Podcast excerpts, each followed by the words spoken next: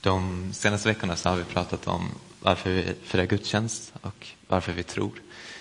Uh, och ja, som det hörde förut så ska jag fortsätta lite på det temat och prata om varför vi ber. Och det, det korta svaret på den frågan är helt enkelt att vi ber för att ha en relation till Gud. Och som Carolina sa så kan vår relation se ut på helt olika sätt. Alla har sin egen relation till Gud. Därför kan alla också ha sitt eget sätt att be.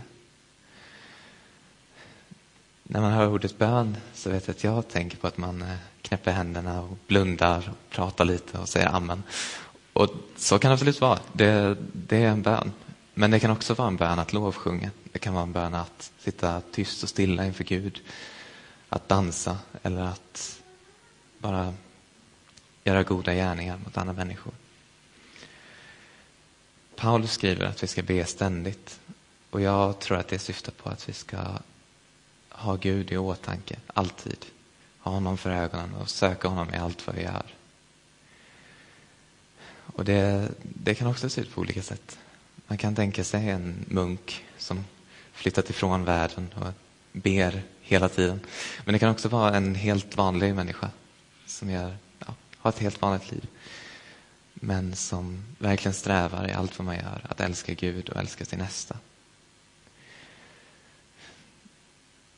Jag tycker att ett ganska fint exempel på det är jesuitorden som faktiskt är munkar men som ändå uppmanas att inte be mer än en timme per dag.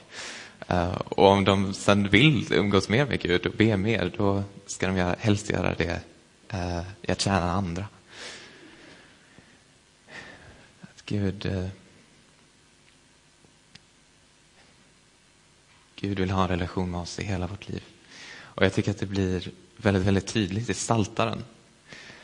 Saltaren är extremt varierad. Det finns salmer som rymmer att säga tack till Gud, att be om förlåtelse för sina synder. Eh, att vara missnöjd på Gud, att lovsjunga Gud, eh, att be Gud om hjälp. Det rymmer hela vår relation till Gud. Jag tror att det är en väldigt, väldigt viktig sak att ha i åtanke. Gud, Gud vill vara med oss, både när vi, när vi verkligen känner för att be, att säga lova Herren med mig allt skapat. Men också när vi känner för att säga hur länge, o oh Gud, ska du glömma mig? Hur vi än mår så vill Gud vara med oss. Och Saltaren rymmer också alla tänkbara olika uttryck för sin bön. Det finns både bli stilla och besinna att Herren är Gud, men också lova Gud med symboler och dans. Det,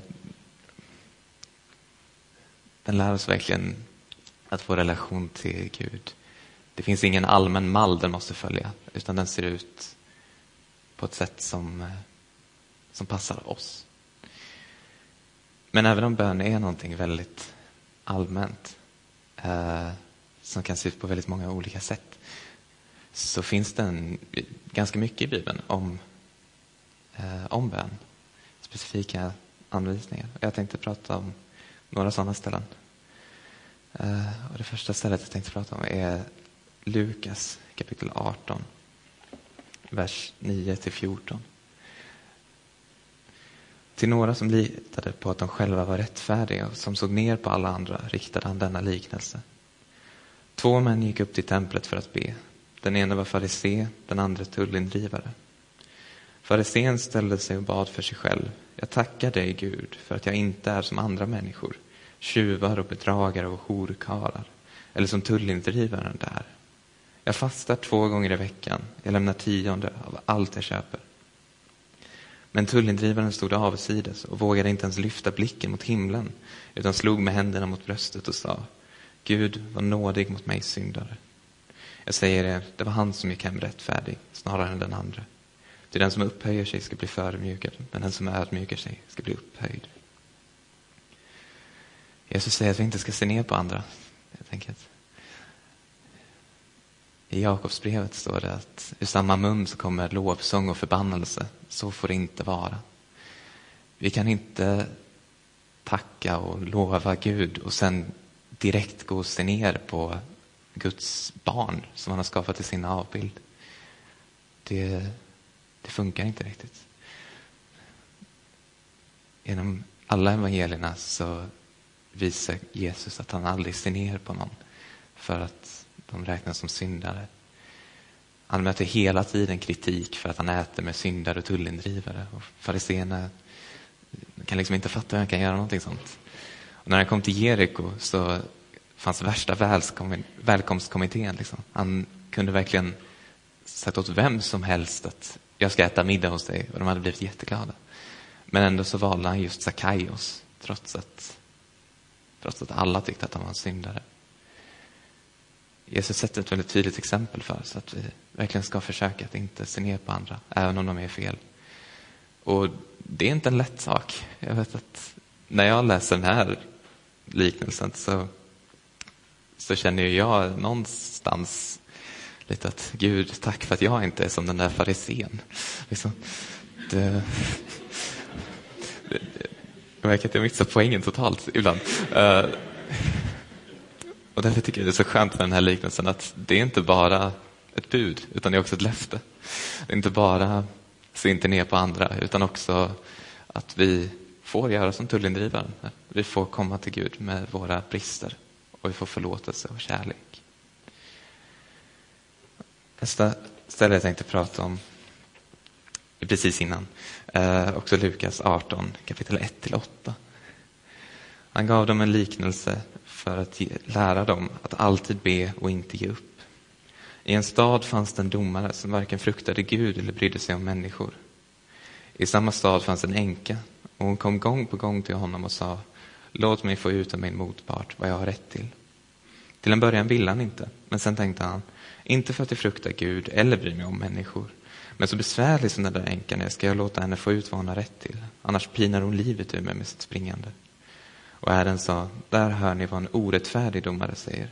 Skulle då inte Gud låta sina utvalda få rätt? När de ropar till honom dag och natt, skulle han låta dem vänta? Jag säger er, han ska snart nog låta dem få sin rätt. Men Människosonen, ska han finna någon tro här på jorden när han kommer? Jag har väldigt lätt att känna mig jobbig om jag, om jag ber mycket för en sak. Det känns lite som att Gud vet vad som är bäst och att jag försöker prata omkull honom för att driva igenom min vilja. Men Jesus säger verkligen, han inte bara tillåter oss att be uttalet för någonting, han uppmanar oss till det. Han vill att vi fortsätter be för saker som vi, som vi verkligen vill. Jag tycker också att det kan vara lite svårt att förstå på vilket sätt de här situationerna liknar varandra. Liksom, den orättfärdige domaren, han, han ger ju änkan sin rätt bara för att hon är jobbig. Hör Gud min bön för att jag är jobbig? Orkar bara inte med att jag ber mer. Men jag tror att poängen är att en rättfärdig domare hade gett änkan hennes rätt direkt eftersom det är rätt sak att göra. Och jag tror inte att Gud är bara en rättfärdig domare utan han är ännu större än så. Han är en kärleksfull domare. Han, ger oss, han hör inte vår bön för att vi har rätt till det utan för att han vill det. För att han älskar oss. Och det sista stället jag tänkte prata lite om. Lukas 11, 9 till 13. Därför säger jag er, be så ska ni få, sök så ska ni finna, bulta så ska dörren öppnas. Till den som ber, han får, och den som söker, han finner. Och för den som bultar ska dörren öppnas. Finns det någon far ibland er som ger sin son en orm när han ber om en fisk, eller ger honom en skorpion när han ber om ett ägg? Om nu redan ni som är onda förstår att ge era barn goda gåvor, ska då inte Fadern i himlen ge helig ande åt dem som ber honom? Gud vill ha en närmare relation med oss. Jag tror att en bön om att få komma närmare Gud, om helig ande, om tro, hopp och kärlek. Jag tror att Gud är väldigt snabb med att besvara sån bön. Jag tror att, det, jag tror att han blir jätteglad när vi ber om det. David skriver i psalm 145 att Herren är nära dem som ropar, alla som av hjärtat ropar till honom. Han vill verkligen ha en relation med oss. Han älskar oss. Och jag, jag tror verkligen att han vill att vi ber honom om att få komma ännu närmare.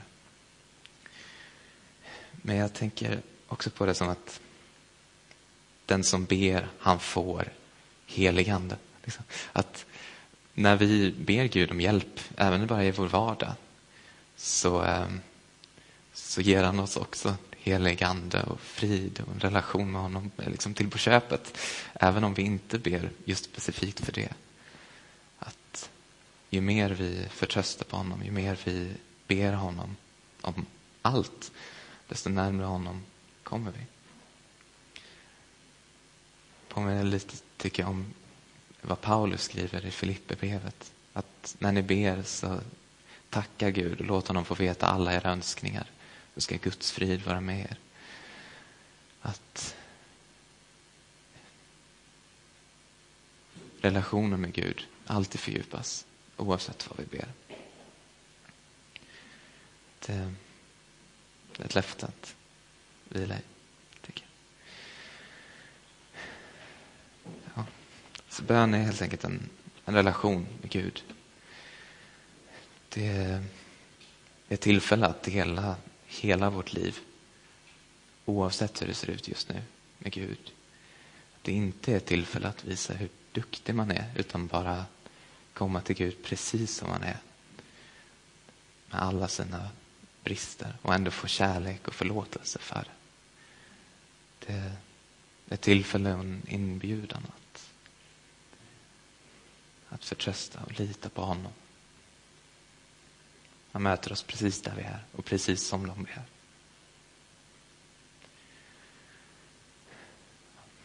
Vi ber. Gud, tack för att du vill ha en relation med oss. Tack för att du älskar oss. Tack för att vi aldrig behöver låtsas när vi är med dig. Utan att vi bara kan vara precis de vi är. Och att du älskar oss för precis de vi är. Jag ber dig, led oss närmare dig. Fördjupa vår relation till dig. Ge oss heligande. Ge oss kärlek. Både till dig, till varandra och till oss själva. Amen.